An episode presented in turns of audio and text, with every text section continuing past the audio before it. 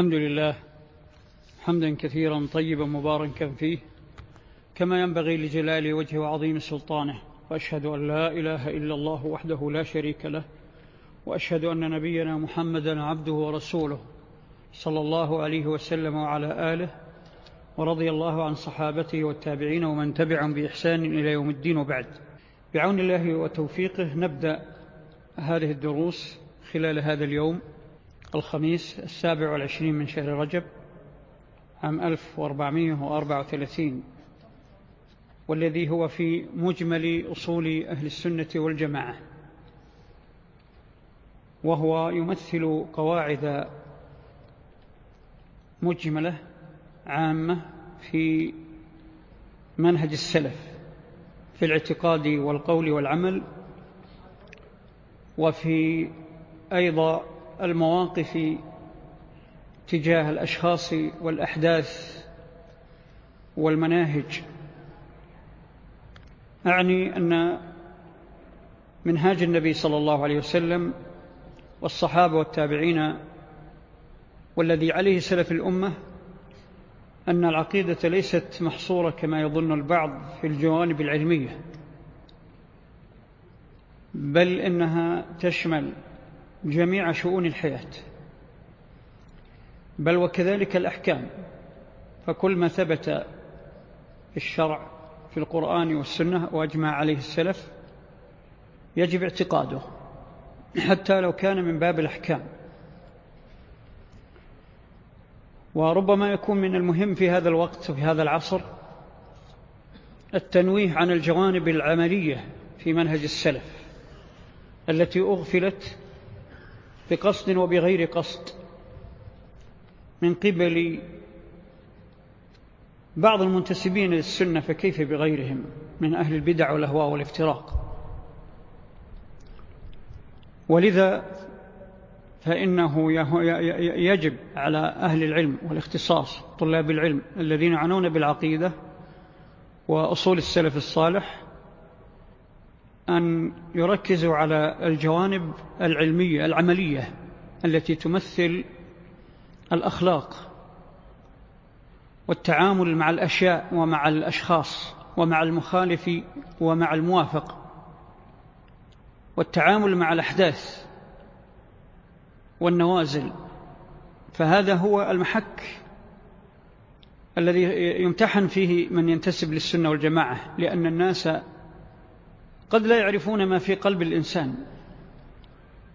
وإن عبر عنه قد يعبر عند المناسبة لكن المؤمن المسلم صاحب السنة يمتحن فيما يظهر منه من السلوكيات والتعامل وأيضا تطبيق قواعد الشرع العامة المجملة أو القواعد الحاكمة لا سيما في مثل الأحداث التي نعيشها اليوم.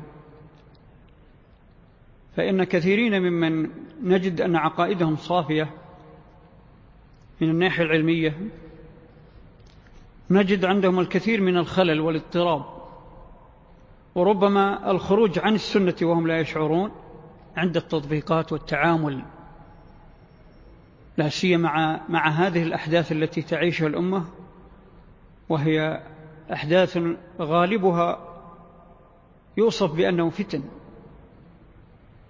كما وصفها النبي صلى الله عليه وسلم في سنته حينما نوه وحذر وبين ونصح الأمة في الموقف من الفتن.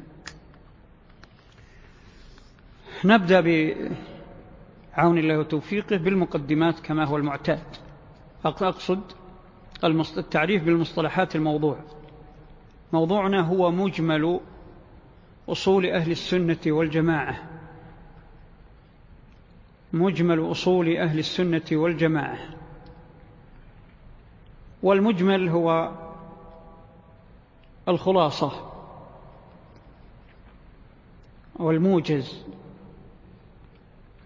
الذي يشمل القواعد العامة التي تندرج تحتها المسائل والقواعد التفصيلية. والأصول جمع أصل. والأصل هو الأساس وهو القاعدة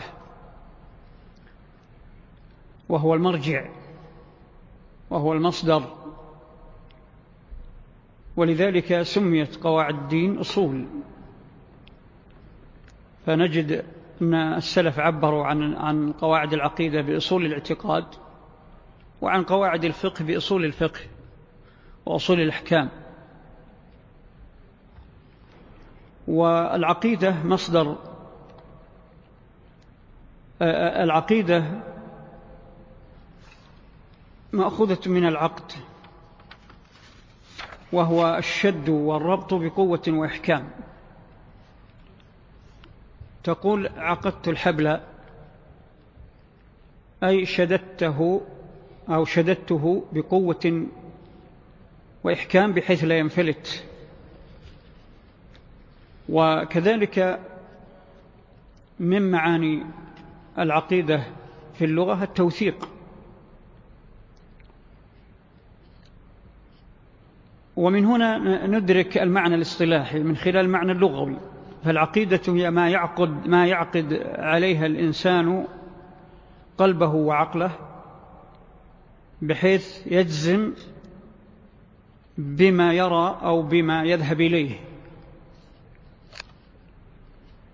وهي على المعنى الشرعي العام الإيمان الجازم الذي لا تطرق إليه الشك. هذا المعنى العام. ولذلك نجد أن هذا المعنى العام ينقسم إلى قسمين اللي هو الإيمان الجازم الذي لا يتطرق إليه الشك لدى معتقده ينقسم إلى قسمين إن كان حقا فهو العقيدة الحق وهو دين الحق. وإن كان باطلا فما يعتقده صاحبه باطل ويدين به. ولذلك الله عز وجل سمى ما عليه المشركون والكفار دين لأنهم يدينون به يعتقدونه. فقال عز وجل لكم دينكم ولي دين يعني لكم دينكم الذي تدينون به وهو الباطل ولي ديني الذي هو الحق. لكن العقيدة الإسلامية لها معنى اصطلاحيا خاص. لها معنى اصطلاحي خاص وهي الإيمان الجازم بثوابت الدين الإيمان بالله عز وجل وحقوقه وأسمائه وصفاته وكل ما يجب له من التوحيد والطاعة ثم الإيمان بملائكته وما يتفرع عن ذلك من الأخبار الجازمة عن أحوال الملائكة. وكذلك الإيمان بالكتب إجمالا وتفصيلا وكذلك الإيمان بالرسل إجمالا وتفصيلا والإيمان باليوم الآخر إجمالا وتفصيلا وكذلك القدر. وسائر ما ثبتت به ما ثبت بالنصوص الشرعية بالقرآن وصح عن النبي صلى الله عليه وسلم. كل ما ثبت فهو داخل في معنى العقيدة. حتى كما قلت لكم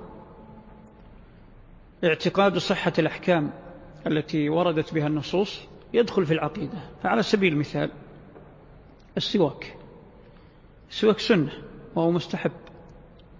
ومع ذلك يجب, يجب اعتقاد أن السواك من السنن لأنه ثبتت به النصوص. ولذلك أدرج السلف بعض المسائل الفقهية في كتب العقيدة لأنه وجد من أهل الهوى والبدع والافتراق من أنكرها مع ثبوت نصوصها.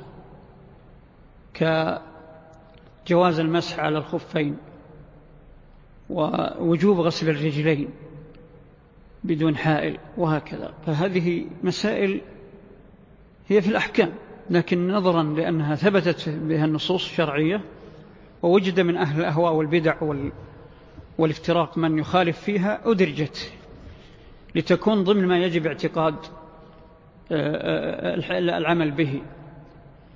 والعمل بحسب الاستطاعة وبحسب درجة العمل ما بين الفرض والمستحب. كذلك الأخبار. ما ثبت ما جاءت به الأخبار في القرآن أو ثبت عن النبي صلى الله عليه وسلم من الأخبار الماضية والقادمة والحالية فيجب اعتقاده.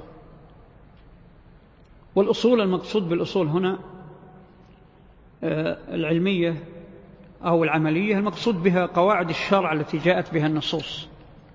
هذه تعتبر أصول سواء كانت مما آه، مما ثبت بالنص بعينه أو مما استنبطه علماء السلف وأجمعوا عليه وصار من الأصول المتفق عليها. أما ما ثبت به النص فمثل قول عز وجل فاتقوا الله ما استطعتم.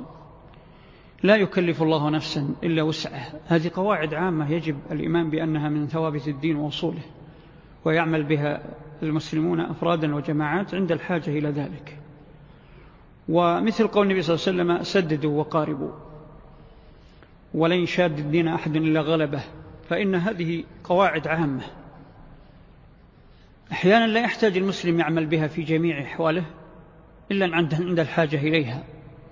وقد تكون الأمة بعمومها عندها المواقف الصعبة والحدث والأحداث والفتن أحوج إلى تطبيق هذه القواعد من حال الأفراد أو من حال الأمور العادية التي لا يضطر فيها المسلمون إلى اللجوء إلى مثل هذه القواعد. هذه القواعد من أصول الدين علمية كانت أو عملية. آه، السلف أو أهل السنة والجماعة هم السلف والسلف وصف لكل من عمل بما عليه السلف الصالح. وسموا سلف لغة لأنهم سلفوا مضوا. وكل ما مضى يقال سالف. ولذلك تسمى بعض القصص والأحداث التاريخية الماضية سوالف ومفردها سالفة لأنها سلفت أي مضت. فالسلف الصالح هم الذين مضوا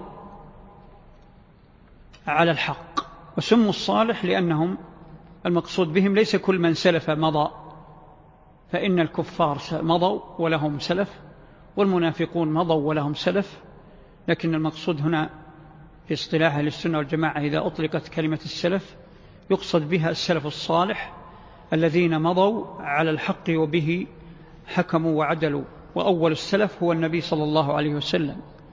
ثم الصحابة والتابعون ومن تبعهم بإحسان إلى يوم الدين ويمثل السلف في كل عصر علماؤه. ولذلك يجوز التجوز بأن نطلق على المعاصرين سلف لأنهم على المنهج لا من حيث المعنى اللغوي والزمني إن من حيث المنهج. فإذا قلنا أن المنهج الحق هو منهج السلف الصالح أو نقول منهج السلف بناء على أنه شاع في الاصطلاح ولا مشاحة في الاصطلاح فإذا قصد السلف عند أهل السنة والجماعة فإنما يقصد بهم إذا أطلق السلف عند أهل السنة والجماعة فإنما يقصد بهم السلف الصالح قطعا. لأن التقييد لا مبرر له إلا لو كان الإطلاق عام على الأجيال الماضية بكل من سلف من الصالحين والطالحين فمن هنا لابد من الاحتراز ويقال السلف الصالح. أقول قد نطلق على آه، أهل السنة والجماعة اليوم بأنهم سلف وقد أيضا يقول صاحب السنة عن نفسه أنا سلفي وهذا جائز لأنه من باب الانتماء للمنهج لا من باب الإطلاق الزمني.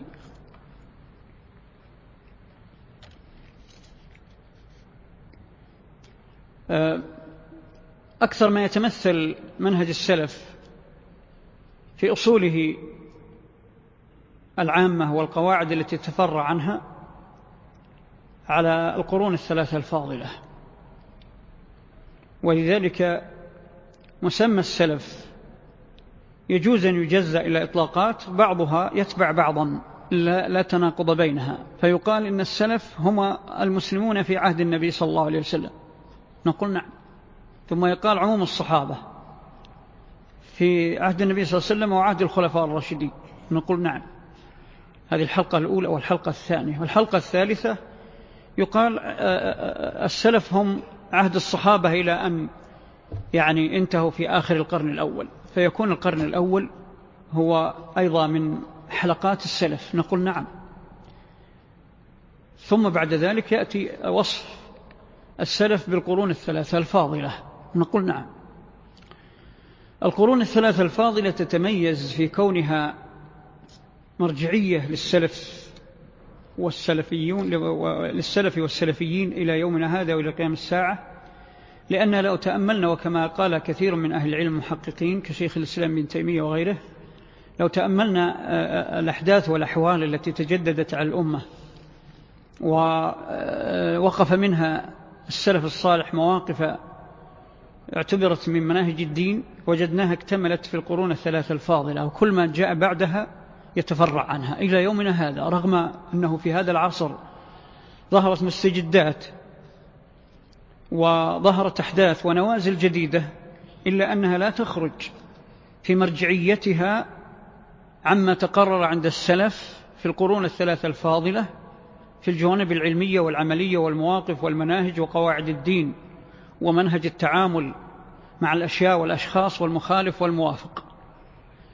لأن الأحداث التي حدثت وآخرها في القرون الثلاثة الفاضلة وآخرها المحنة التي امتحن بها المسلمون عموما وأهل السنة على وجه الخصوص في هجمة فلاسفة ذاك العصر الجهمية والمعتزلة ومن نحى نحوهم وجميع الفرق الباطنية وغيرها هجمت هجمة شرسة على الأمة هجمة فكرية وأيضا هجمة بقوة السلطان.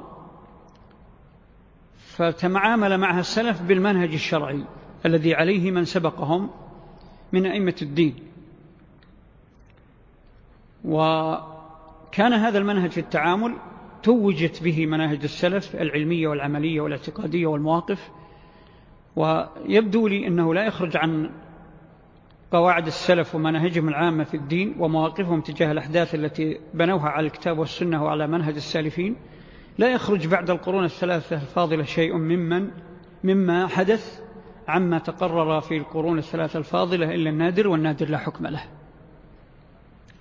ولذلك ينبغي أن يتنبه طلاب العلم وبخاصة المعنيين بالعقيدة أن يتنبهوا إلى أن المرجعية في الحكم على الأحداث المعاصرة إنما هو إلى مناهج السلف في القرون الثلاثة الفاضلة وهو منهج في عمومه ومناهج في مفرداته. وهذا سيأتي الكلام عنه فيما بعد إن شاء الله إن اتسع الوقت لأن هناك من يخلط بين المنهج والمناهج فقد يستوحش من تسمية بعض وصف بعض مع أهل السلف بمناهج لأن منهج السلف واحد. وقد أيضا أحيانا يتجاوز فيدخل في مناهج السلف ما ليس منها والأمر بين ذلك. فإن نظرنا إلى عموم قواعد الدين التي تقررت بالكتاب والسنة وبتطبيقات السلف فهي منهج. إذا نظرنا إلى تطبيقات السلف لها بأفرادهم وبمجموعاتهم أو بمذاهبهم كالمذاهب الأربعة نجد أنها مناهج. مناهج من حيث التطبيقات ومنهج من حيث الأصل والمرجعية. في المرجعية والأصل ليس عندنا إلا منهج واحد هو منهاج النبي صلى الله عليه وسلم وسلف الأمة. في التطبيقات قد تكون اجتهادات الأئمة في تطبيقات هذه القواعد والأصول مناهج وهذا لا يضر. بل أحيانا تعبيرات الأئمة عن أمور الدين وأحيانا أيضا الشروح التي شرحوا بها أصول الدين ربما تعتبر مناهج في هذه التطبيقات. لكن مرجعيتها منهج واحد.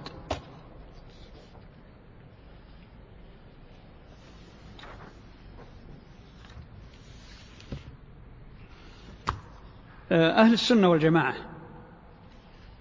أهل السنة والجماعة اسم شرعي توقيفي. وأرجو التنبه لذلك. لأن المصطلح الآن أصبح عليه شيء من الضبابية حتى عند بعض شباب أهل السنة والجماعة. وظنوا أن مصطلح أهل السنة والجماعة مصطلح يعني اتفق عليه سلف الأمة. أو تواطؤوا عليه من عند أنفسهم مع أنهم ما داموا أجمع أجمعوا عليه فهو شرعي. لكن قبل ذلك ينبغي أن نتنبه إلا أن وصف السنة والجماعة لأهل الحق وصف شرعي جاء بنصوص قطعية عن النبي صلى الله عليه وسلم.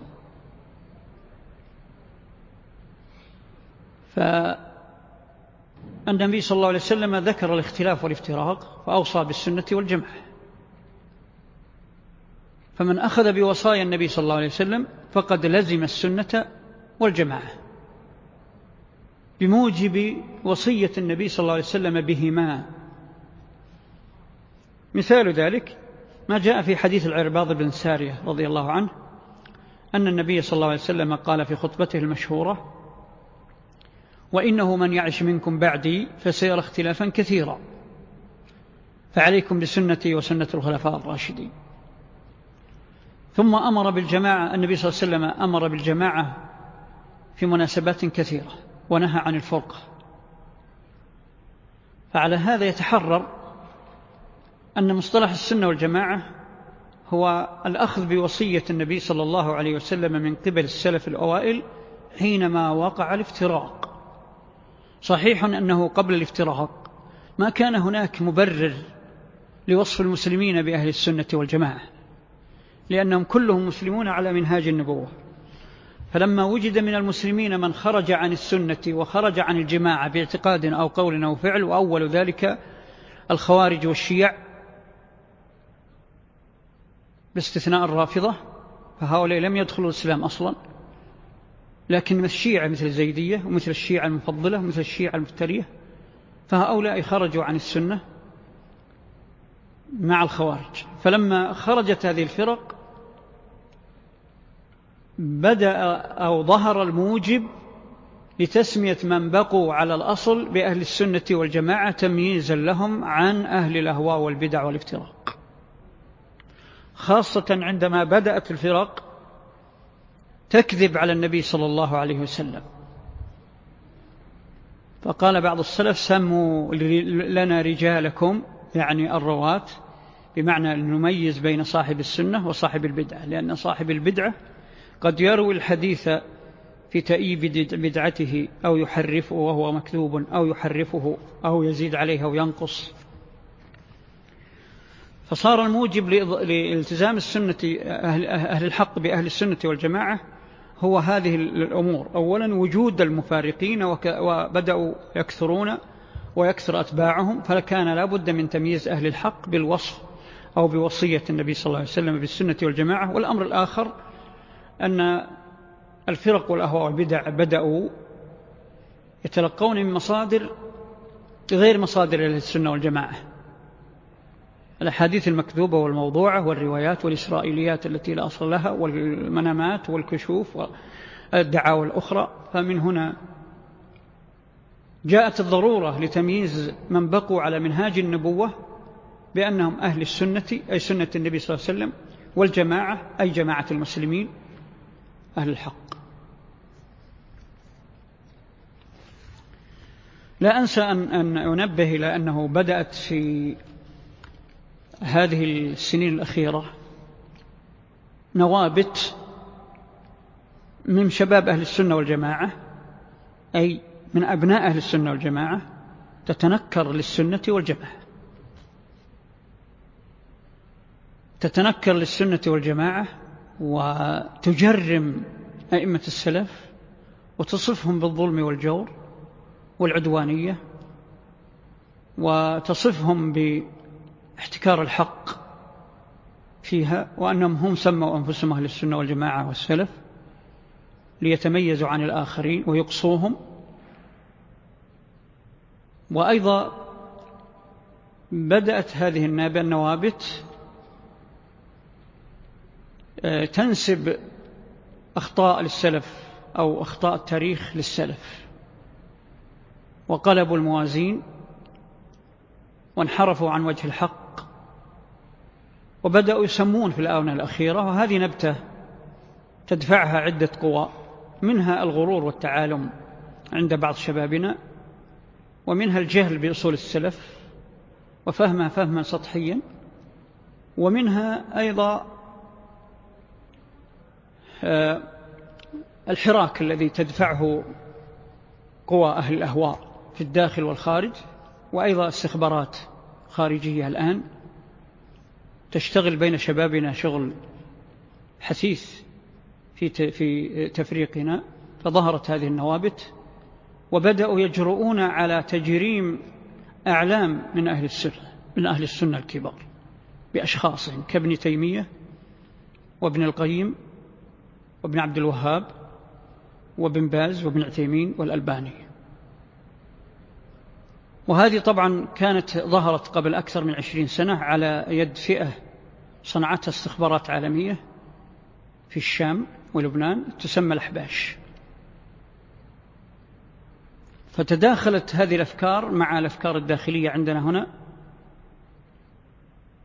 التي يعني بذرها أناس لا يزال أمرهم غامض وإن كان بدأ ينكشف والتقى تلقفها عدد كبير من أبناء السنة والجماعة في هذه البلاد وبدأت تنمي تنمو الآن بشكل ذريع ومزعج ومخيف وبشكل غريب ومريب. في جميع أنحاء المملكة لا سيما في الأرياف. بدأ الناس يسمونهم الأحباش وأنا أظن هذه التسمية لها وجه من الصواب. لأنهم يتوافقون مع فئة الأحباش الذين هجموا على أهل السنة قبل أكثر من ثلاثين سنة وعشرين سنة والآن صار لهم كيان كبير ودعموا من قوى عالمية. هم يشبهونهم من بعض الوجوه من كثير من الوجوه أصولهم متشابهة لكن أحكامهم في النهاية قد تختلف. ومن أبرز وجوه الاختلاف بينهم أن الأحباش يبدأون دعوتهم بتكفير ابن تيمية وابن القيم وابن عبد الوهاب. على طول الخط. يجعلون هذا هو بمثابة الشهادتين. لا يدخل مذهبهم إلا من يجرم ويكفر هؤلاء الأمة. ويدخلون فيهم علماءنا المعاصرين. بينما الأحباش الجدد عندنا لا. يعني لم يصلوا إلى حد التكفير لكن إن صدق ظني.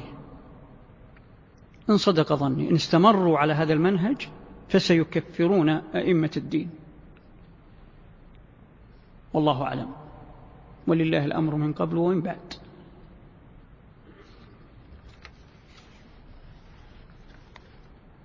طبعا سموا أهل السنة استمساكهم بالسنة ولزومهم لوصية النبي صلى الله عليه وسلم بالسنة وكذلك تسميتهم بالجماعة.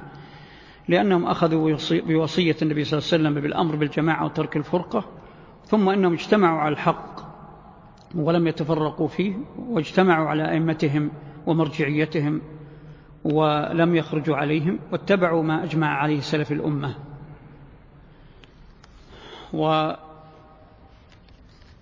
أن ننبه إلى, ظاهرة الآن خطيرة جدا ليس فقط من بعض الجهلة أو أهل الأهواء بل من بعض المنتسبين للعلم والدعوة. بعد ما دخلتنا مناهج دعوية لا تتركب مع منهج السنة والجماعة وهي ظاهرة الاستهانة بالعلماء. والاستهانة بمرجعيتهم وأحيانا إسقاط المرجعية وتنقط زلات العالم العلماء المعاصرين. فإذا زلت زلت أو زل عالم أو قال قولا لا يعجبهم غردوا عليه بملايين التغريدات. وإذا قال بما يعجبهم رفعوه باستثناء و رفعوه أو نوه مع الاستدراك. قد يقولون والله الشيخ فلان ونعم أنعم وأكرم ولكن ثم بعد لكن تأتينا طوام. هذا المنهج غريب وبدأ ينمو. لا سيما بعد الوسائل الحديثة وربما تربى عليه أناس كبار الآن يعتبرون قدوات لملايين الشباب. فأرجو أن نتناصح في ذلك. وهذا أمر خطير جدا أن نعامل العلماء بمكيالين أو أحيانا أيضا نجعل العلماء سقف لا يجعلهم قدوة عند الشباب. مرجعية في كذا وكذا وليسوا في مرجعية في كذا وكذا. هذا خطير يا إخوان وهو خروج صريح حاد عن منهج أهل السنة والجماعة. العلماء هم العلماء وإن زل بعضهم. ويجب أن يبقى لهم احترامهم وتبقى لهم مرجعيتهم وأن تلتف الأمة في مثل هذه الأحداث والأحوال الفتن التي تعيشها الأمة أن يبقوا هم المرجعية وأن يربى الشباب على مرجعية العلماء واحترامهم لا على الجرأة عليهم.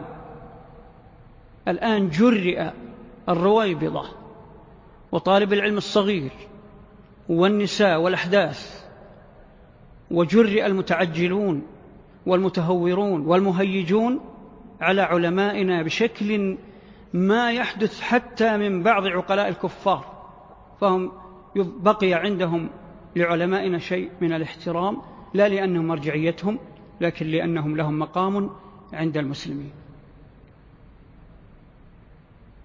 وأعجب ولا ينقضي عجبي غافلة كثير من طلاب عن العلم هذا خاصة إذا حدثت من عالم زلة أو قال الحق لكنه لا يعجب أكثر الناس أن يسلط عليه الناس ويشجعون على هذا التسلط وأن يبدأ ويقود قافلة آه، انتهاك حقوق العلماء بعض الدعاة المشاهير. يقودون القافلة الظالمة. هذا أمر خطير يا شباب. فلنتقي الله في ديننا؟ ولنتقي الله في مذهبنا وأهل السنة والجماعة ولنتقي الله في أمننا وفي شبابنا وأمتنا.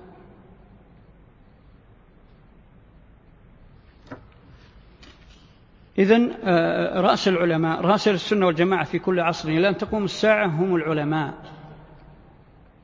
العلماء العلماء علماء العموم.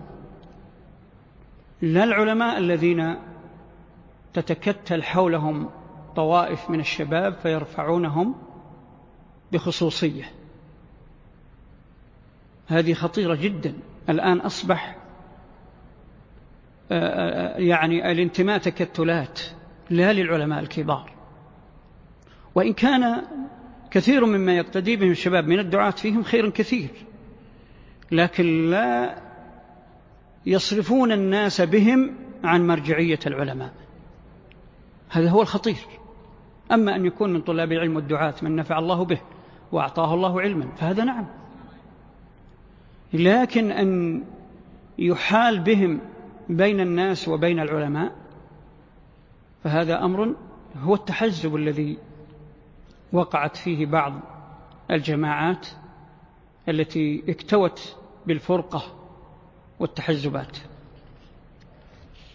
أهل السنة والجماعة قد يوصفون بأنهم أهل الحديث لأنهم هم اللي عنوا بحديث النبي صلى الله عليه وسلم رواية ودار أكثر ودراية أكثر من غيرهم ويسمون أهل الأثر يعني وهذا يشمل جميع السنن يسمى أثر. وكذلك أهل الاتباع. وقد يوصفون بأنهم الطائفة المنصورة والفرقة الناجية. ولنبدأ الآن بالكلام عن القواعد. من أهم ما يجب أن يعنى به المسلم وطالب العلم بخاصة ما يتعلق بمصادر الدين ومنهج التلقي الدين منها. وقد يتبين ذلك من خلال استعراضنا لما زلت به الفرق قديما وحديثا وهو التلقي عن الغير الكتاب والسنة. أو التلقي عن الكتاب والسنة أو عن القرآن على منهج غير سليم على غير منهاج النبوة. إذن أولا نقول من أعظم أسباب وجود الافتراق قديما وحديثا إذا لم يكن أعظمها التلقي عن غير الكتاب والسنة والسلف الصالح أو التلقي عن هذه المصادر أو بعضها لكن على غير منهاج النبوة. أرجو أن تفهموا ذلك لأنه هو مبتدأ الافتراق مبتدأ الأهواء والبدع والافتراق. هو التلقي تلقي الدين. إما من مصادر غير نقية أو من المصادر النقية لكن على منهج منحرف في الاستدلال. فهذا سيتبين من خلال القواعد. أولا مصدر الدين عموما والعقيدة على وجه الخصوص هو كتاب الله وسنة رسوله صلى الله عليه وسلم وإجماع السلف الصالح. طبعا إذا قلنا السنة نقصد الثابت ولا شك. هذه بدهية عندنا أهل السنة والجماعة. أي ما ثبت عن النبي صلى الله عليه وسلم من قول أو فعل أو تقرير. ثم بعد ذلك تأتي قاعدة اللي هي رقم اثنين استثنائية. بمعنى أنه كثير من القواعد يخرقها أهل البدع والأهواء فنأتي بقاعدة محصنة. الأصل هذا لا يختلف عليه. لكن الأصل الثاني جاء من باب الاحتراز. القاعدة الثانية كل ما صح من سنة رسول الله صلى الله عليه وسلم وجب قبوله والعمل به وإن كان آحادا في العقائد وغيرها. طبعا هذا له سبب.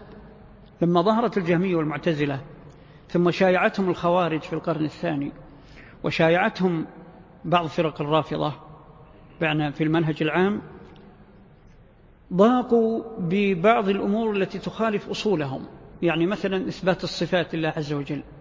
المعتزلة لا يطلقون إثبات الصفات. أيضا بعض الأمور الغيبية الأخرى مثل الميزان والصراط. فابتدعوا بدعة عجيبة. قالوا أن تأملنا أكثر أحاديث الصفات وأكثر أحاديث الغيبيات فوجدناها أحاديث أحد. هكذا يزعمون وهم ليسوا أهل حديث مع أن كلامهم عنا كلامهم فيه نظر لكن ادعوا هذه الدعوة. وإذا تأملنا أحاديث الأحاد يقولون كذا نجد أغلبها روية بعد النبي صلى الله عليه وسلم على الأقل بثلاثين سنة. وهذا أيضا كذب وقصور وقلة علم. فإذا لا نستبعد أن يكون هناك من روى هذه الأحاديث لهوى أو بعد ما نسي وغفل حتى من الصحابة. فقالوا إذن أحاديث الأحاد لا تؤخذ في الاعتقاد. فجاء السلف بهذه القاعدة حماية للدين. أنه ما صح عن النبي صلى الله عليه وسلم وجب قبوله حتى وإن كان حادث أحد. مع أنهم أيضا غفلوا عن أمور. كثير مما شرعه النبي صلى الله عليه وسلم في زمانه يكون بحديث بالأحد. يعني مثلا ذهب أرسل معاذا وهو رجلا واحدا. وأرسل الرسل إلى ملوك الدنيا بأفراد من الصحابة يقيمون الحجة على أمم كاملة. وتعرفون بعض القصص أيضا مثل قصة تحول القبلة كانت بخبر أحد وهكذا. فلا شك أن كثير من أمور الدين تنفذ حتى الأمور العملية مثل ما بعث النبي صلى الله عليه وسلم علي بن أبي طالب آه، بأن لا يدع تمثالا ولا إلى آخره معروف الحديث. آه، ثالثا المرجع في فهم الكتاب والسنة هو النصوص المبينة لها وفهم السلف الصالح ومن سار على منهجهم من الإمة ولا يعارض ما ثبت ذلك بمجرد احتمالات لغوية.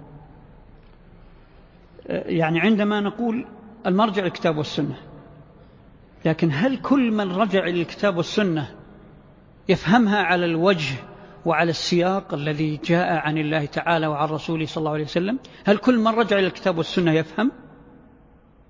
ولو فهم أيضا. هل يتوقف الأمر على فهمه دون الرجوع إلى قواعد أخرى؟ طبعا لا.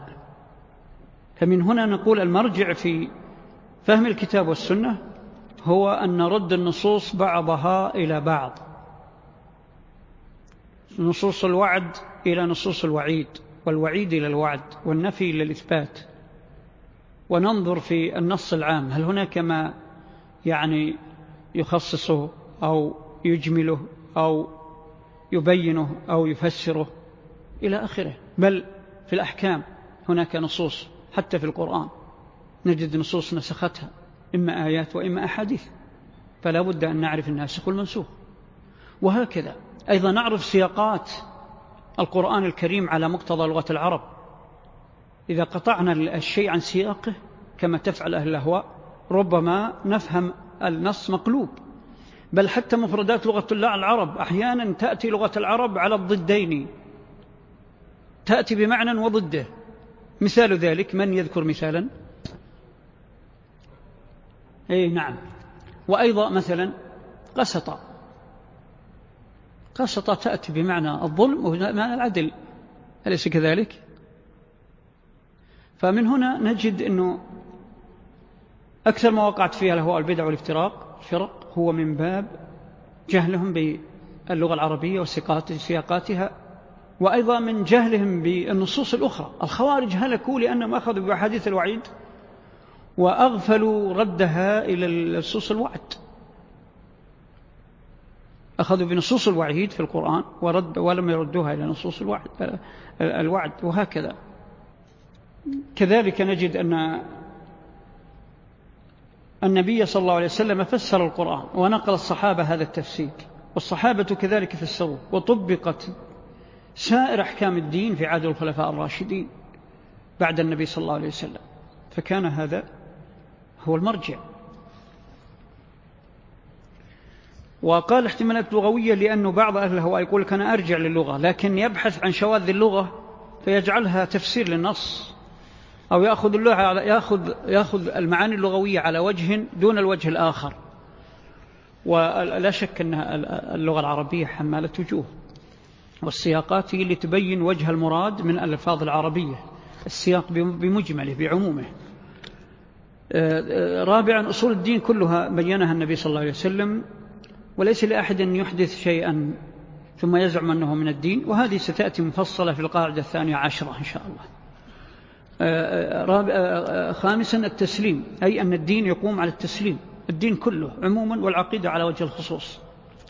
التسليم هو التسليم لله عز وجل ولرسوله صلى الله عليه وسلم بمعنى التصديق واليقين والإذعان والرضا والقبول والاستعداد للعمل.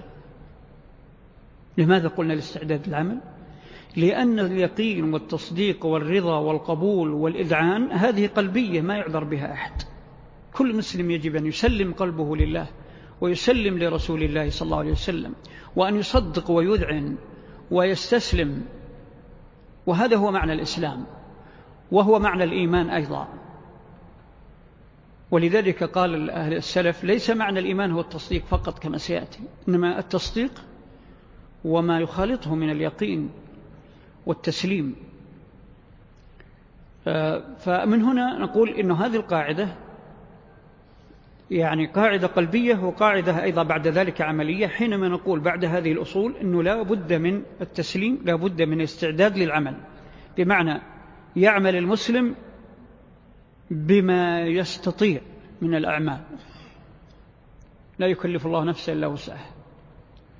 وعموم عموم عموم أوامر الشرع هي في المستطاع بل إنها ميسرة لكن الاستطاعة تختلف من شخص إلى شخص. الإنسان قد يستطيع أن يقوم للصلاة يصلي قائما فهذا ركن في حقه وآخر يمنعه مانع شرعي فيسقط عنه هذا الركن. لكن يجب أن يؤمن ويعتقد أنه لو تمكن يجب عليه أن يقف للصلاة أن يصلي واقفا. فالجانب القلبي يبقى عند المسلم فيما بينه وبين ربه.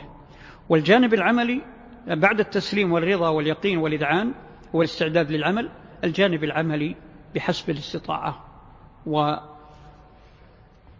الأمر يعني كما قلت من هنا يختلف فيه الاعتقاد عن العمل.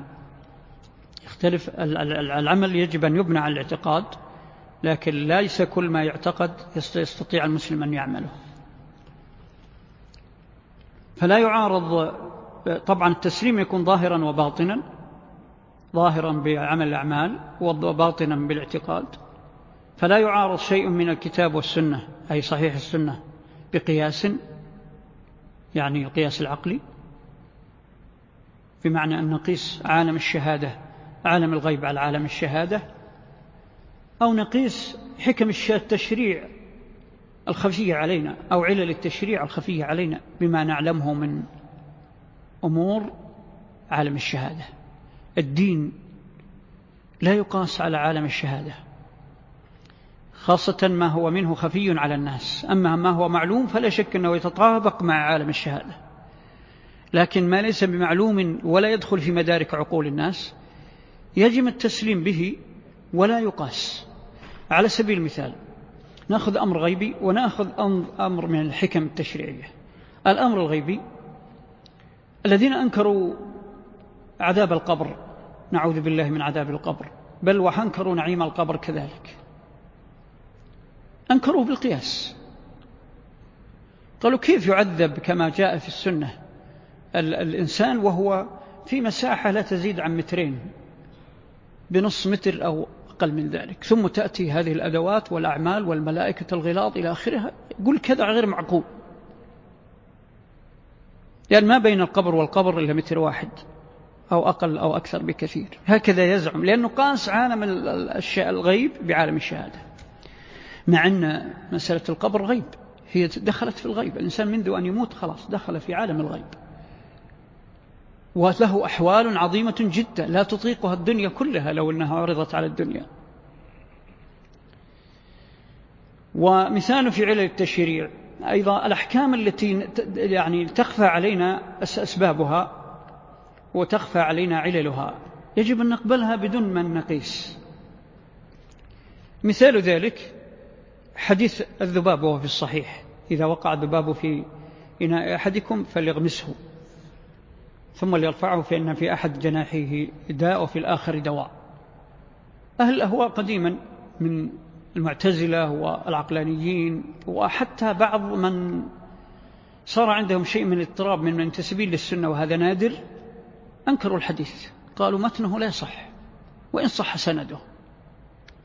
لأنه لا يعقل أن هذا الحشرة القذرة التي تنقل الأمراض لا يعقل أن النبي صلى الله عليه وسلم يعني يسوغ هذا العمل فيها والشرع لا يأتي بالمستقدر هكذا زعم. حتى أني رأيت شرحا لأحد فضلاء أهل السنة من أنصار السنة في مصر قديم يعني يمكن قبل خمسين سنة علق على حديث الذباب في شرحه لأحد الكتب فأتى بهذا الإشكال. قال الحديث صحيح.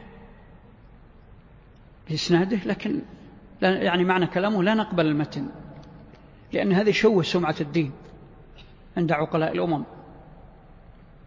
هكذا سار العقلانيون والمعتزلة والجهمية وبعض المرتابين في هذه الأمور الجزئية من أهل السنة على هذا المنهج وإن كان هذا نادر في أهل السنة. لا أعرف من أئمة الحديث المعتبرين من توقف في هذا الأمر لأنه قال أمر غيبي. ولا شك أن فيه حكمة بالغة عن النبي صلى الله عليه وسلم لا نعلمها. ما دام الحديث صح في إسناده. وفي متنه كذلك. فالمهم أنه أخيرا قبل أكثر من ثلاثين سنة يكتشف أكثر من كشف علمي في ألمانيا وفي بريطانيا وفي لما لفت نظر بعض العلماء في الغرب هذا الحديث آه، حللوا ودرسوا في المختبرات ووجدوا أن الذباب يشتمل جناحه الأيسر على بكتيريا ضارة ولذلك أنا رأيته ربما من يتأمله يغمس جناحه الأيسر ويرفع الأيمن لأنه حشرة مسلطة يرفع الأيمن اللي فيه المادة التي تقتل البكتيريا فإذا غمس المادة التي في الجناح الأيمن تقتل البكتيريا التي في الجناح الأيسر على أسرع وقت. تشتبك المعركة في لحظات. فماذا سيقول أولئك الذين شنعوا على حديث النبي صلى الله عليه وسلم؟ والناس في كثير من أحوالهم عبر التاريخ يعيشون فقر. فمن الصعب أن الإنسان يريق مثلا لبن يعيش عليه هو وأولاده بمجرد ما ينغمس فيه الذباب صعب أن يريقه. فإذا كان هناك حل وهو وجود هذه النعمة من الله عز وجل بأن آه، أنه يوجد ما يقتل هذه البكتيريا فأخيرا يصبح الحق منصورا بحمد الله. قل التسليم. العقل الصريح يوافق النقل الصحيح ولا يتعارض قطعيان منهما أبدا وعند توهم التعارض يقدم النقل. لاحظوا التعبير تعبير السلف. العقل الصريح يعني العقل النقي الذي لم تعتريه الثقافات المحرفة ولا الأوهام ولا الوساوس ولا الفلسفات المتفلسفين. العقل المجرد من المؤثرات السلبية سمى الصريح. يوافق النقل الصحيح أي القرآن وما صح عن النبي صلى الله عليه وسلم. لماذا؟ لأن هذا أمر الله وهذا خلقه.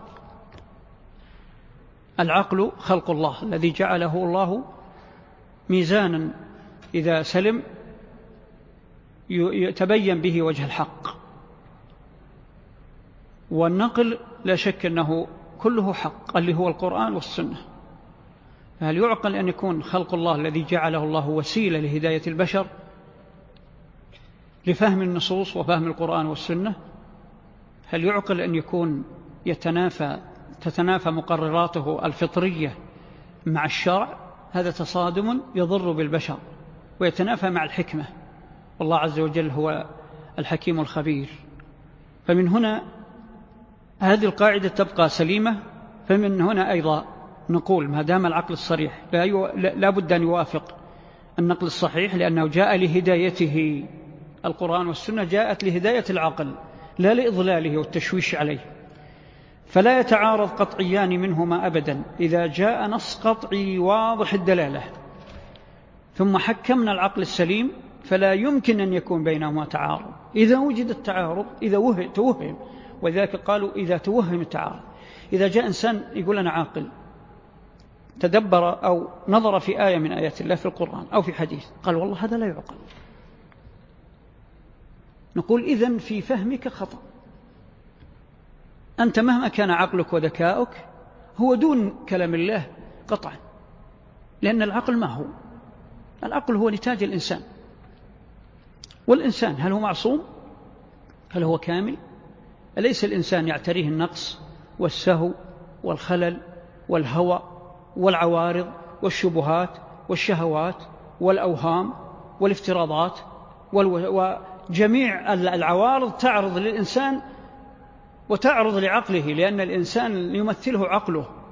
ثم أخيرا أيضا الإنسان يعتريه الضعف والفناء. فيقاس هل يقاس بكلام الله عز وجل الذي لا يأتيه الباطل من بين يديه ولا من خلفه؟ تنزيل من حكيم حميد؟ لا يقاس. فإذا أنت أيها الإنسان إذا توهمت أنه والله هذا النص لا يعقل فاعلم أن الخلل جاء من عند فهمك أنت. وقد يكون أيضا غيبي لا تدركه بمداركك وحواسك وعقلك. فإذا يقدم النقل. قد يقول قائل لماذا هذه القاعدة؟ أليست بدهية؟ عند المسلم أصلا أنها بدهية. كل مسلم لابد أن يؤمن بهذا الأصل. لكن ما دامت بدهية لماذا جئنا بها هنا؟ أحد عنده جواب؟ نعم. أيوة هو احتراز للفلاسفة تبعا لهم المعتزلة والجهمية وسائر الفرق التي عندها النزعة العقلانية ثم العقلانيون في العصر الحديث. هؤلاء زعموا أن عقولهم فوق الكتاب والسنة حتى قال أحدهم وهو الرازي طبعا هذه القاعدة هي فلسفية ولعلمكم الفلاسفة الإلهيين الذي يتكلموا في الغيبيات لأن الفلاسفة أنواع. هناك فلاسفة لم يتكلموا أصلا في الدين ولا في الإلهيات لا شأن لنا معهم. وغالبهم إما أصحاب دجل وشعوذة يسمون فلاسفة وإما وهم الأكثر أصحاب علوم تطبيقية. يهتمون بالرياضيات والكيمياء والفيزياء والفلك وإلى آخره وطبيعة الأرض. من أقدر من من الزمن القديم أيام اليونان والرومان الأمم يعني ال ال التي في عمق التاريخ. يوجد فلاسفة يعني يسمون أهل الحكمة يعني بمعنى أنهم يعنون بالطب ويعنون بالأمور العلمية والتجريبية وغيرها فهؤلاء لا شأن لنا معهم. إنما الشأن من الفلاسفة الذين تطاولوا بسبب غرورهم في العلوم التجريبية والتطبيقية تطاولوا إلى الغيب والإلهيات. هؤلاء هم المذمومون وهم أعداء الأنبياء عبر التاريخ كله. وهم الذين غرسوا الوثنية وهم الذين غرسوا الشرك وهم الذين غرسوا الديانات المناهضة لديانات الأنبياء. وهم الذين شوشوا على جميع ديانات الأنبياء. هم الذين حرفوا دين موسى وهم الذين حرموا درفوا دين عيسى. واقرأوا التاريخ. لكن إذا انتسبوا لديانة لم يسموا أنفسهم فلاسفة فعندنا سموا أنفسهم أو سموا بالجهمية لأن الجهم يعني تلوث بأفكار الفلاسفة عندما ناقشهم بغير فقه في الدين. ومن هنا يجب أن ننبه شبابنا الذين أخذتهم الغيرة في المناقشات عبر الوسائل المعاصرة. بدون علم ننبههم إلى خطورة هذا عليهم وعلى الناس. لا تناقش بدون علم. الله يتولى دينه وعباده. لا تأخذك الحماس والغيرة والاندفاع إلى أن تناقش بلا علم. ولعلي إن أمكن ستأتي مناسبة أضرب لكم بها مثالا على شاب تورط وانتصر للباطل وفرح عليه خصمه وهو لا يدري أنه انتصر للباطل لأن لجهله. فعلى أي حال هؤلاء الفلاسفة ظهروا بأسماء فرق الجهمية المعتزلة الباطنية بفرقها الآن وقبل الآن. هؤلاء كلهم نتاج فلاسفة نتاج مذاهب فلسفية وأخطر مناهج الفلاسفة هي المناهج الباطنية. فهؤلاء يعني أصلا يحتقرون الأنبياء وأتباعهم احتقار ابتداء عندهم غرور. والذي عنده شيء من يعني التعقل والإنصاف يرى الأنبياء مجرد دعاة مصلحين دون مستوى الفلاسفة والعباد المنحرفين الضلال. ولذلك قالوا آه، الفلسفة فوق النبوة وقالوا الولاية فوق النبوة وقالوا الإمامة فوق النبوة. كل مذهب حسب مذهبه. الآن الرافضة يرون الأئمة فوق درجة الأنبياء وغلاة الصوفية يرون الأولياء فوق درجة الأنبياء. وهناك من لا يعترف للأنبياء أصلا وهم غالب الفلاسفة. وإن اعترفوا لهم يعتبرونهم عوام بل يعبرون عن ذلك. يعني مثلا الفلاسفة الجراء مثل ابن عربي جريء والحلاج كذلك. يسمي يعني يصف الأنبياء واتباعهم بأنهم دراويش بسطاء عوام وأن غلاة الباطنية ورؤوس البدعة والضلالة ورؤوس التصوف ورؤوس الرفض هؤلاء هم أصحاب الحقيقة هم الخواص ومنهم الفلاسفة. قدمت بهذه المقدمة لأن كثير مما سيأتي ينبني على يتفرع عن هذا الأصل. هو أصل الباطل أصل الافتراق من عقائد الأمم الباطلة. عقائد الأمم تنبني على فلسفات. فمثلا حتى الشرك حتى عند العرب عند أعراب أعراب جفات الشرك أصلا مفلسف عندهم. هم قد لا يدركون هذه الفلسفة لكن الشرك في مبدئه هو نابع عن أصول فلسفية مقننة ذات مناهج. كل الشرك والوثنية. ولذلك يعبرون عنه بأشياء مجسمات يعني النجوم أو الكواكب أو مثلا هياكل يبنونها أو أصنام. إلى آخر الشرك الساذج شرك بعض الأعراب الذي يتمثل في حجر أو يتمثل في تمرة أو يتمثل إنما هو امتداد للفلسفة بأن هذه الأشياء عندها خصوصية معنوية. الأشياء التي تعبد. بناء على النزعة الفلسفية. فإذا كان كذلك فسأكثر ما سيرد من الجوانب الكلامية مبني على نزعات الفلاسفة ومنها هذا الكلام اللي هو قرره الرازي بقوله في أساس التقديس. أساس التقديس موجود ومطبوع. ولا يعني نغريكم بقراءته لكن أقصد أنه مرجع يثبت مرجع يثبت قولة مقولة ال ال ال ال هذا الرجل اللي هو الرازي لا فقط نقل شيخ الإسلام عنه لأن الآن الناس أصبحوا يجرمون شيخ الإسلام تيمية ويتهمونه بأنه قاسي على الخصوم. آه، فنقول في كتبهم في أساس التقديس الرازي قاعد قاعدة ملخصها أنه قرر بزعمه أن العقل قطعي. العقل قطعي. طبعا ستعجبون. وأن النقل ظني. النقل ما هو؟ الكتاب والسنة. القرآن وما صح عن النبي صلى الله عليه وسلم. هذا النقل. يسمونه النقل هم. لأنه منقول. قال ما مفاده أن العقل قطعي. والنقل ظني فإذا تعارض تعارض تعارض النقل والعقل أخذنا بإيش؟ بالعقل لأنه قطعي. ورددنا النقل إما نرد النص أو نرد دلالة النص لأنه قد لا يجرؤ على رد آية من القرآن. نرد الدلالة لأنها ظنية.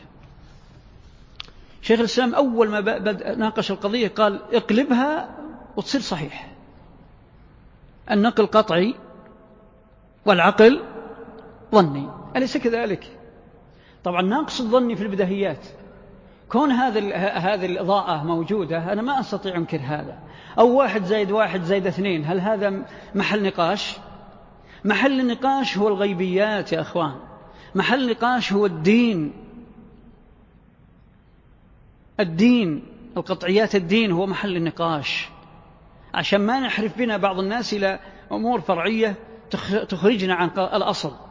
الأصل في كلام الله وما صح عن رسوله صلى الله عليه وسلم أنه قطعي. أليس كذلك؟ وأن العقول تجاه النصوص تجاه الغيبيات تجاه علل التشريع ما عندها إلا الظن. فإن وافقت بها ونعمت فقد أصابت الحق. وإن ما وافقت هل نرد النص من أجل ظن العقل؟ ثم ما هو العقل أنا أسألكم أي واحد؟ أتحداكم كلكم ومن يسمع أن يعرف أين عقله وكيف يعقل؟ وين عقلك؟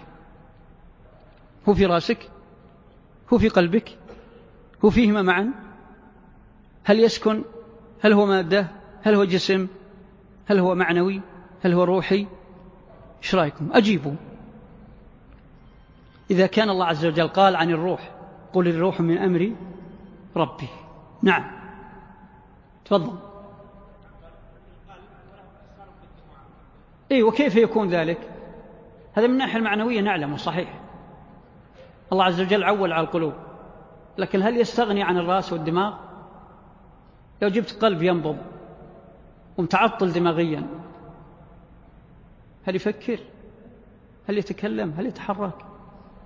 أو قد يتحرك لكن لأن هذه مسألة طبية لكن قصدي إذا انفصل المخ عن عن القلب هل يعقل الإنسان؟ أسألكم. إذا العقل هو كيان لكن كيف يكون الكيفية نجهلها؟ هذا شيء. الشيء الآخر إذا قالوا إذا قالوا أو ما داموا قالوا أن العقل هو المحكم حتى في الدين. نسألهم. عقل من؟ أليس كل إنسان عنده عاقل عنده عقله؟ هل مستعد يعير عقله يعير عقله غيره هل تفكر بعقل غيرك؟ أو تفكر بعقلك؟ فكر بعقلك. إذن العقول عدد عدد البشر. العقلاء. فنصدق عقل من؟ كل واحد كل واحد. بل العجيب سبحان الله إن أقوى الناس عقولا هم أكثرهم تواضعا. وأضعف الناس عقولا هو اللي يرى أنه هو الذي يعرف كل شيء يا ويلك تعارضه أضعف الناس عقلا هو الذي يتباهى بعقله. فإذا هذه مسألة مغالطة. سببت دوخة للمسلمين إلى اليوم سببت إرباك سببت مناهج وفرق خرجت عن السنة والجماعة تعظيما للعقل هذا المسكين الذي لو كان له لسان لشكى إلى الله عز وجل هؤلاء الذين قدسوه وجعلوه مصدر إقلاق ومعارضة للدين. فإذا العقل نعمة ووسيلة ونحمد الله عز وجل على ما آتانا من عقول. لكن ليس حاكما على الدين ليس مقدما. فإذا نعكس القضية. إذا تعارض عقل عاقل أو تفكر فك مفكر مع النص فليعرف أن النص قطعي وعقله هو المتهم. فقد يكون النص وراءه معاني لم يدركها أو أدركها على غير وجهها أو حال بينه وبين فهم النص هوى أو شبهة أو شهوة. أو أي عارض من العوارض أو ضعف في عقله ضعف في فهمه. ومع هذا نقول العقل السليم المجرد من أي عوارض لا يمكن إلا وأن يخضع للنص. سواء فهمه ولم يفهمه سواء أدركه ولم يدركه. إنما يوقن العقل السليم يوقن بأن كلام الله حق وأن كلام ما صح عن رسوله صلى الله عليه وسلم حق. العقل السليم يؤمن بهذا. ويبقى التفاصيل لها قواعدها التي سنتحدث عن شيء منها. يقول يجب الالتزام بالألفاظ الشرعية في العقيدة وتجنب الألفاظ البدعية التي تحدثها الناس. وهذه أخوان مسألة مهمة اليوم متعلقة بكثير مما يثار من الآن شعارات فيها حق وفيها باطل مثل شعار الرأي والرأي الآخر. مثل شعار تجديد الخطاب الديني. مثل شعار حرية الكلمة. وغيرها من الشعارات الحديثة التي تورط فيها حتى بعض المنتسبين للدعوة إلى الله مع الأسف سواء جماعات أو أفراد. الألفاظ الشرعية على نوعين. فيها ألفاظ تعتبر أصول قواعد مرجعية مصطلحات شرعية حدية توقيفية. هذه يجب ألا نخرج عنها؟ إلا من, بيان من باب البيان والشرح والتفسير والترجمة مثلا. من ذلك ألفاظ أسماء الله عز وجل وصفاته. توقيفية. ما يجوز أن نحدث الله اسما لم يحدث لم يكن. في الكتاب والسنة ولا أن نحدث الله صفة لم تكن في الكتاب والسنة. من ذلك أسماء أصول الدين الكبرى مثلا أصول الإيمان الإيمان بالله يعني وملائكته وكتبه ورسله واليوم الآخر والقدر. هذه قطعيات نؤمن بها كما جاءت. نسمي الله عز وجل باسمه وبأسمائه. ما نفعل كما يفعل الفلاسفة وبعض المفكرين وبعض المثقفين والحداثيين وغيرهم الذين صودرت دياناتهم وعقولهم إلى الباطل فيعبرون أحيانا بالقوة العظمى أو المهندس الأعظم أو أحيانا وهذه من ألفاظ الفلاسفة قديما وجاءوا حديثا. أو أحيانا يعني بيسموها في العصر الحديث في نظرية اسمها كذا الذكي مثل كلمة المدبر الذكي. طبعا هم أدركوا أن هذا الكون بالعلم الحديث لا يمكن أن يكون إلا صنع صانع مبدع فعبروا عنه بالذكي. طبعا يقصدون بالمعنى الله عز وجل وأحيانا يحرفونها إلى الإلحاد. ما لنا وما لهم القصد الإعراض عن اسم الله عز وجل أو عن أسماء الله عز وجل إلى معاني هي قد تكون من لوازمها أو من معانيها لكن لا تبدل. نحن ندرك أنه يعني معاني كلام أسماء الله وصفاته لا تحصى بجميع اللغات. مهما عبر الناس من العظمة لله عز وجل سيعبرون ويستمرون يعبرون لكن يبقى مرجع التعبيرات إلى أسماء الله التي وردت وصفاته التي وردت وكل كمال وجمال وجلال لله عز وجل لا بد أن يرجع إلى ما في الكتاب والسنة دون الحاجة إلى اختراع اسم أو وصف جديد. فجميع الكمالات ترجع إلى اسم الله اسم الجلالة الله. وجميع الكمالات ترجع إلى اسم الله العلي العظيم الحي القيوم. وغير ذلك من جوامع الكلم كل كمال ومن أوصاف والأسماء يخترعه الناس أو يأتي بأي لغة لا بد أن يكون مرجعه إلى أسماء الله والصفات الواردة في الكتاب والسنة ولا حاجة إلى أن نخترع معنى جديد لأنه يدخل في الصفات الثابتة والأسماء الثابتة. وهذا إضافة إلى أسماء الله كذلك الغيبيات الملائكة مثلا. لا يجوز أن نعبر عن الملائكة أنها قوى روحانية وبس.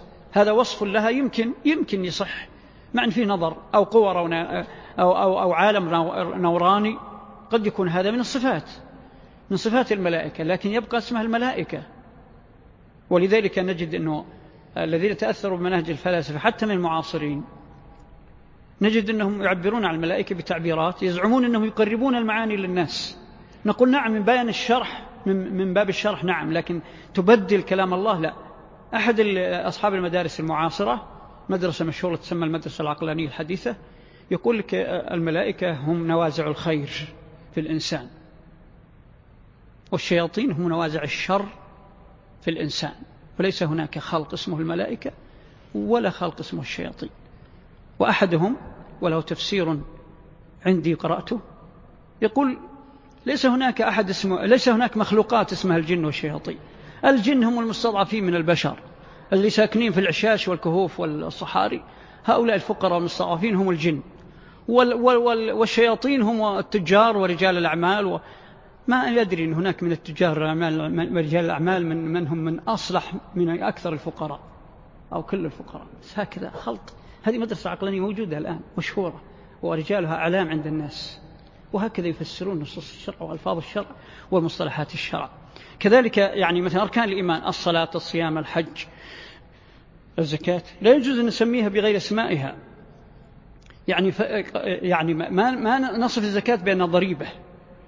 ولا نصف الحج بأنه مؤتمر الأكبر إلا من باب البيان أو من باب اللوازم. نقول نعم الحج يتحقق به للمسلمين مؤتمر أكبر مؤتمر كبير صحيح لكن نبدل العبارة لا.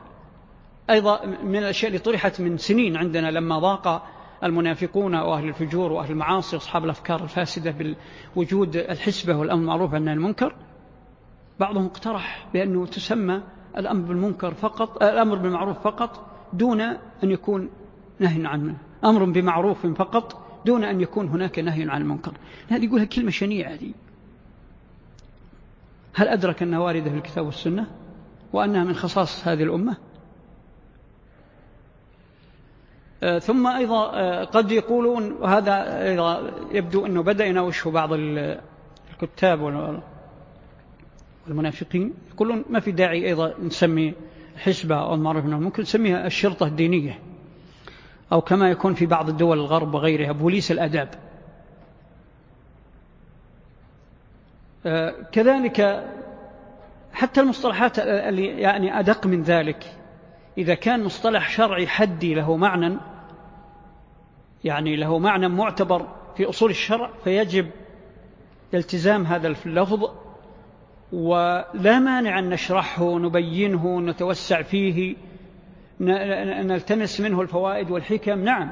لكن تبديل الألفاظ الشرعية الحدية اللي هي أصول ثوابت سواء كانت اعتقادية أو علمية أو عملية أو غيبية لا يجوز. إنما يجوز الشرح والبيان والتفسير ونحو ذلك. الألفاظ المجملة التي تحتمل خطأ وصواب نفصل فيها. ما كان فيها من صواب نأخذه لكن نرده إلى النص. وما كان فيه من خطأ. فمثلا إذا قال واحد والله يعني يجب أن نعدل عن الأمر معروف عن المنكر ونسميه بوليس الأداب أو شرطة الأداب. نقول إذا كنت قصدت أن الأمر معروف عن المنكر يتحقق به حفظ الأداب فنعم. لكن ما نسميه شرطة أداب. نبقى نسميه بما سماه الله به. وما سماه به رسوله صلى الله عليه وسلم. مثل مسألة الرأي والرأي الآخر. هذه من الفاظ من الاصطلاحات الجديدة. نقول لمن قال الرأي والرأي الآخر ماذا تقصد؟ إن قصدت الرأي والرأي الآخر في في العلوم الدنيا والإنسانية ممن يملك أصول العلم في التربية في الاجتماع في علم النفس في الجغرافيا في الفلك فلا بأس بالرأي الرأي الآخر. أو حتى في الطب لكن يجب أن تكون عالم بما تتكلم فيه. وإن قصدت الرأي والرأي الآخر كذلك. من باب الاجتهادية الأحكام فنعم لكن بشرط أنك تعرف أصول الاستدلال وأصول الاجتهاد. هيجينا رويبضة ما يعرف كوعة من كرسوعة إنما تضخم من خلال وسائل الإعلام وصار علما إعلاميا يرهبه الناس. مجرد أن يكون كذلك يبدأ يخبط ويلبط في أحكام الدين ويرد على كبار العلماء ويقول رأي ورأي آخر نقول لا والله ولا كرامة. إذا ملكت العلم وأدواته وعرفت شروط الاجتهاد وعرفت الأدلة فنعم. كذلك الرأي والرأي الآخر غير وارد في الثوابت على الإطلاق. في أصول الاعتقاد أركان الإيمان أركان الإسلام ثوابت الدين القطعية هذه ما فيها رأي ورأي آخر. هي ثوابت قررها الله عز وجل في كتابه وقررها الرسول صلى الله عليه وسلم في سنته وقررها الصحابة بإجماعاتهم التي لا تزال إلى يومنا هذا في بعض الأحداث الكبرى والنوازل الكبرى قد يكون لهم إجماع كما حدث في تاريخ قريب.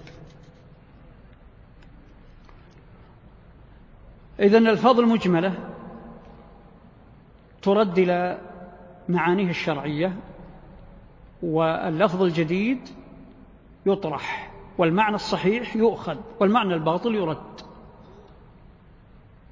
ربما يكون القاعدة هذه قصد بها حماية أسماء الله وصفاته قبل غيرها والمقصود بها حماية الدين كله لكن الأسماء والصفات هي التي استوجبت وجود مثل هذه القاعدة. آه، نأخذ مثال لعله واضح. آه، العلو لله عز وجل الله عز وجل علي بذاته علوا معنويا وعلوا حسيا فهو العلي مطلقا سبحانه بكل كمال العلو. ومن ذلك استواءه على عرشه. فالاستواء على العرش يقرر معنى العلو.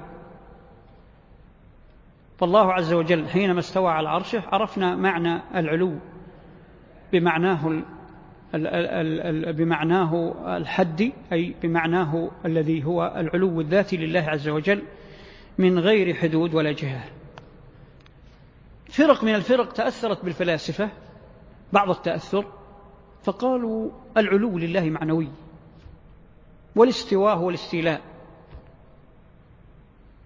فلا يصفون الله عز وجل بالعلو الذاتي. قلنا لهم لماذا؟ ذكروا أشياء كثيرة. من عند ضمنها أن قالوا إذا أثبتنا العلو لله عز وجل بذاته وأثبتنا الاستواء لله على عرشه أثبتنا الجهة.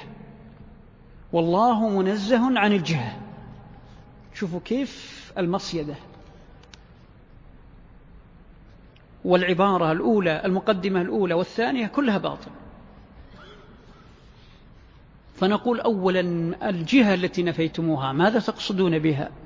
نقفهم نقف معهم عند كلمة الجهة. التي بها نفوا عن الله لله عز وجل العلو الذاتي ونفوا الاستفاء الاستواء لله سبحانه. نقول ماذا تقصدون بالجهة؟ إن قصدتم بالجهة العلو فهذا كمال. وإذا نفيتم العلو نفيتم الكمال لله عز وجل. أليس العلو كمال؟ أليس الله عز وجل هو العلي بذاته وأسمائه وصفاته وأفعاله؟ العلو المطلق. فأما إن قصدتم بالجهة أن الله عز وجل يحويه جهة من خلقه تعالى الله هذا لا شك أنه منفي وحديثكم به أسوأ من حديث الصبيان. الصبيان لا يعقلون وقد يتكلمون بمثل هذه الأوهام ولا, ولا يكلفون مع أن هذا نادر الصبيان على الفطرة. لكن كيف سميتم علو الله جهة؟ استواءه على عرشه جهة إلا بالمعنى العام العلو والعلو لا شك أنه أعظم الجهات. والعلو يشمل العلو هو نهاية العالم كله ليس كاليمين والشمال والأمام والخلف. اليمين والشمال والأمام والخلف الأمام النسبي اللي هو في وضع المخلوقات هذا أمر نسبي يتعلق بأجرام المخلوقات. أما الجهة التي لا علاقة لها بال أو لا ترتبط بالمخلوقات مطلقا فهي العلو الفوق. فالله متصف بالعلو. إذن نقول ماذا تقصدون بالجهة؟ إن قصدتم بالجهة أن الله في العلو فلا شك أن الله هو العلي سبحانه وموصوف بالعلو وهذا كمال لا اعتراض عليه ولا يعترض عليه عاقل يحترم نفسه. وإن قصدتم بالجهة أن الله عز وجل تعالى الله عما تتوهمون. إن قصدتم بالجهة أن الله يحويه شيء من خلقه فتعالى الله. ما قلنا بذلك ولا نقوله وهذا بهتان عظيم. هذا بهتان عظيم. فننفي الجهة بهذا المعنى لكن نثبت المعنى الكمال في الجهة لله عز وجل. وننفي لوازمها الباطلة ونثبت لوازمها الحق. فمن لوازم العلو من لوازم الاستواء العلو لله سبحانه. العجيب أن شيخ الإسلام بن تيمية ناقش هذه القضية في كتابه شرح حديث النسول مناقشة فلكية عجيبة سبقت نظريات الغرب. فاقرأوا الكتاب تجدون العجب. شيخ الإسلام ابن تيمية يقول الشمال والجنوب والجهات هذه الفرعية والأصلية هذه نسبية ترتبط بجرم الأرض. وإذا خرجت عن الأرض لم يعد هناك إلا العلو. وإذا كنت في جرم من الأجرام السماوية تكون فيه جهات. وإذا خرجت عن هذا الجرم ينتفي ولم يبقى إلا العلو. تنتفي الجهات ولا يبقى إلا العلو. وأثبت هذا بأمثلة عجيبة. فهو قال على سبيل المثال لو أن رجلين هو يقرر ويثبت كروية الأرض. وقال لو أن رجلين غرسنا أحدهما في جهة من الأرض خسفت به الأرض. والآخر في الجهة المقابلة. تماما تلتقي رجليهما وكل واحد منهما راسه فوق.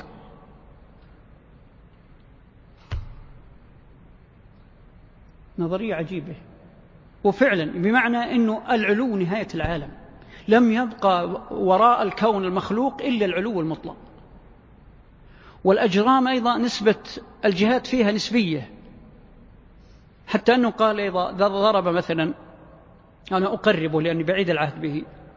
يقول لو أن أطلقنا قوسا أو قال عصا من مسافة معينة في الأرض. يعني مثلا مسافة كيلو فوق الأرض أطلقنا عصا باتجاه صحيح مرسوم لا ينخفض ولا يرتفع يقول في النهاية يرجع إلى مكانه.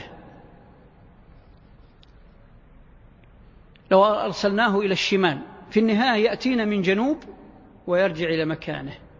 فصار الشمال والجنوب نسبي مرتبط بالكرة الأرضية. والشرق والغرب نسبي مرتبط بالكرة الأرضية. وهكذا الجهات. إذن يبقى الجهة المطلقة هي العلو فقط.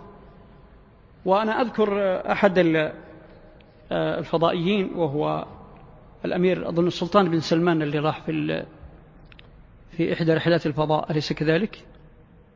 ذكروني. قرأت له مقابلة في الجريدة ذاك الوقت يقول إنه إذا أبعدنا إذا لما أبعدنا عن الأرض نشوف الأرض مثل القمر ما بين دورة ودورة فوق. كل ما ندور دورة نشوف الأرض مكان القمر. طبعا هذه أمور فلكية. أنا ما أحب أجرب الحلاقة برؤوس الأيتام ليست من اختصاصي إنما أقول في النهاية لم يبقى إلا العلو والجهات التي طنطنوا بها علينا وأفزعوا الدنيا وأرجفوا وأنكروا صفات الله وأولوها وأنكروا العلو والاستواء أو أولوه في النهاية نجد أن عقولهم عقول صبيان بل الصبيان أعرف منهم أقرب إلى الفطرة. وأن نفيهم للجهة مبني على تصورهم الباطل للجهة بمعناها السلبي وقصد نفيهم للعلو مبني على تصورهم للجهة أنه جهة بالمعنى المقيد لا بالمعنى المطلق.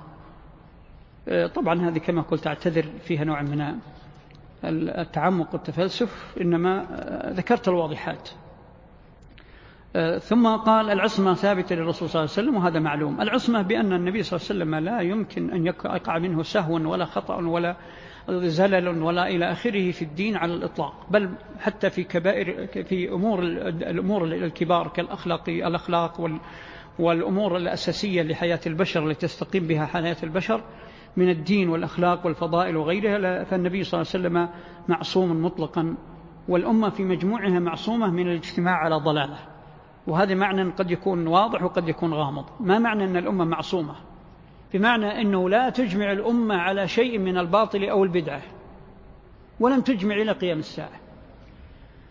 هناك أمثلة ما تكون واضحة. يعني آه، ابتلي المسلمون بالموالد وهذا من نتيجة استيلاء الفرق الباطنية على العالم الإسلامي في نهاية القرن الثالث والقرن الرابع وما بعده استولت آه، كثير من الفرق الباطنية على أكثر البلاد الإسلامية في مصر والشام وبعض جزيرة العرب كما استولى القرامطة وبعض أجزاء من اليمن وأفريقيا وأجزاء من آسيا.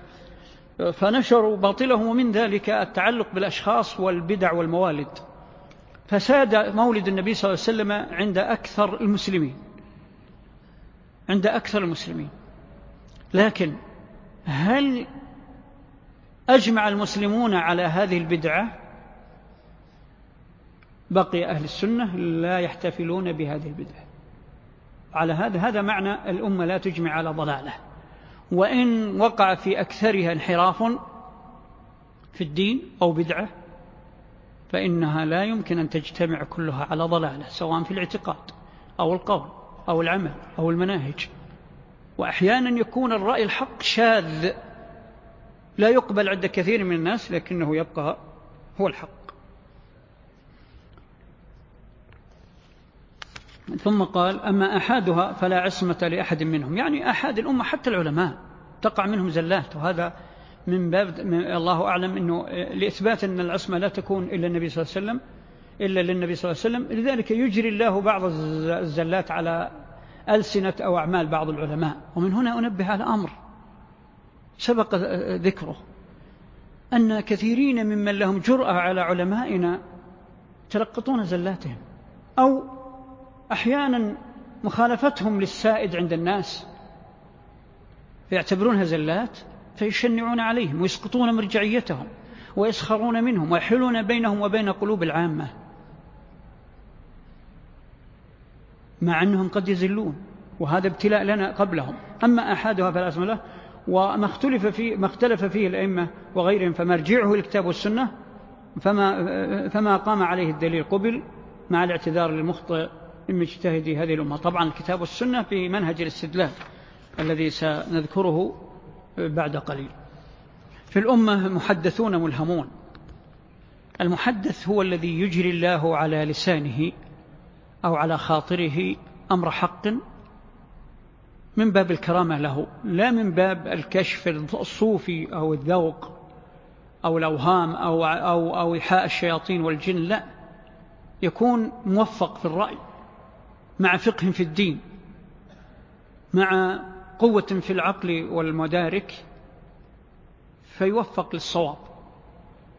في الأمة محدثون ملهمون كعمر بن الخطاب رضي الله عنه لأن عمر رضي الله عنه في الأمور التي كان النبي صلى الله عليه وسلم يستطلع فيها الآراء أو يشاور فيها الصحابة كان عمر رأيه يوافق ما يتنزل من القرآن على رسول الله صلى الله عليه وسلم في كثير من الأمور وليس في كل الأمور.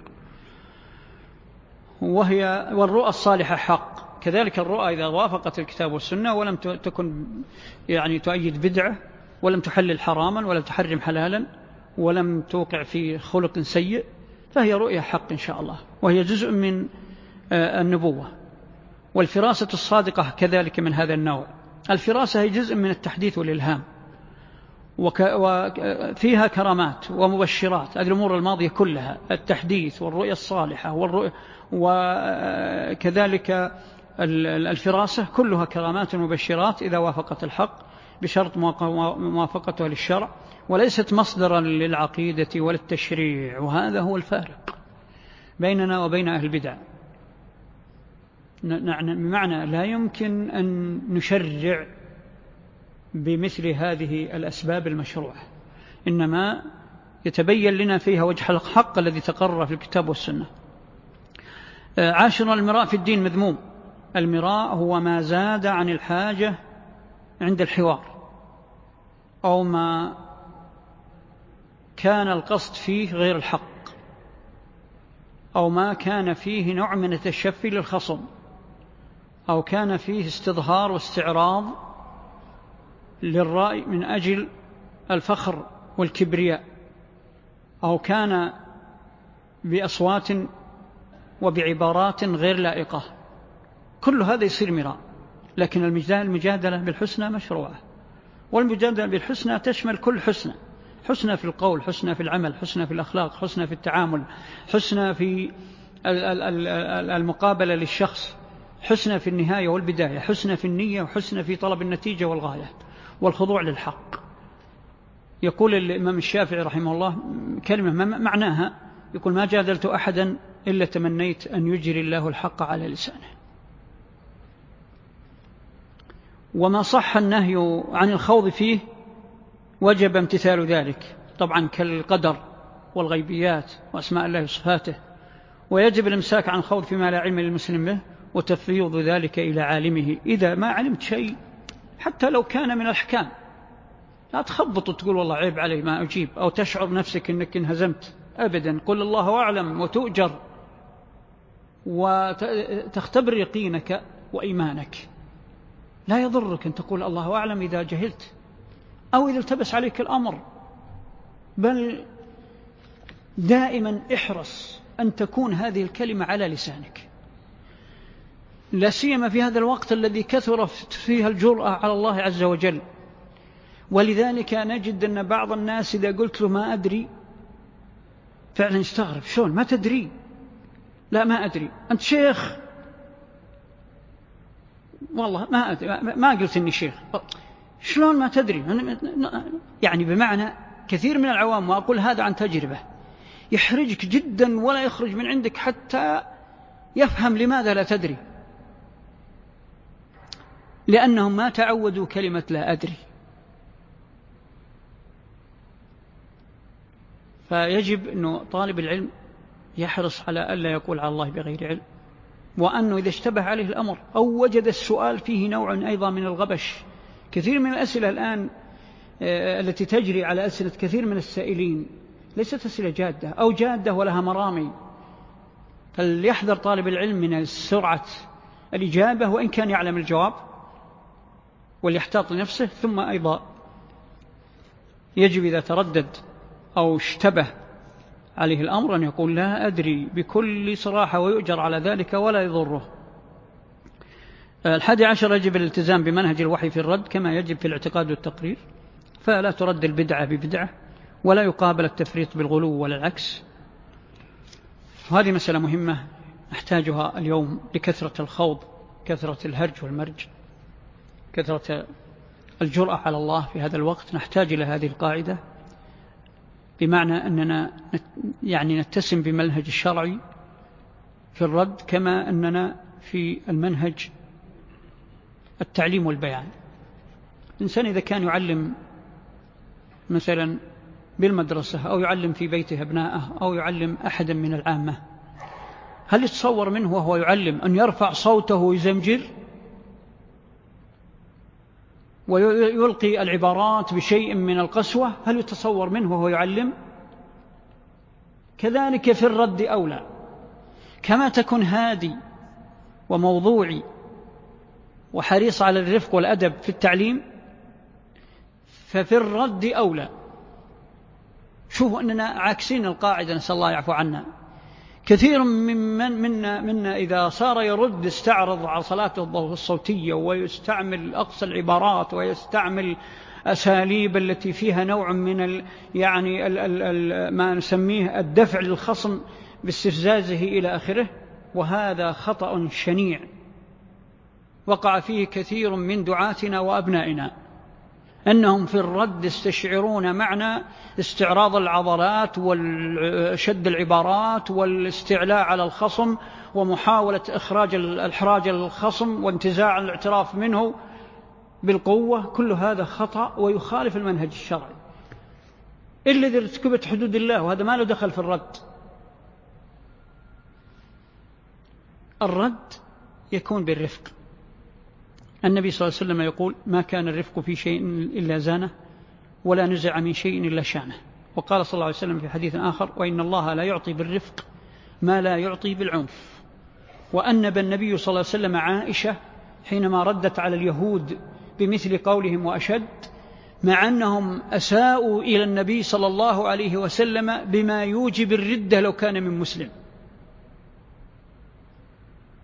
ومع ذلك أمر النبي صلى الله عليه وسلم عائشة بالرفق مع أعتى الخلق وأكثرهم سوء أدب مع الله سبحانه ومع أنبيائه.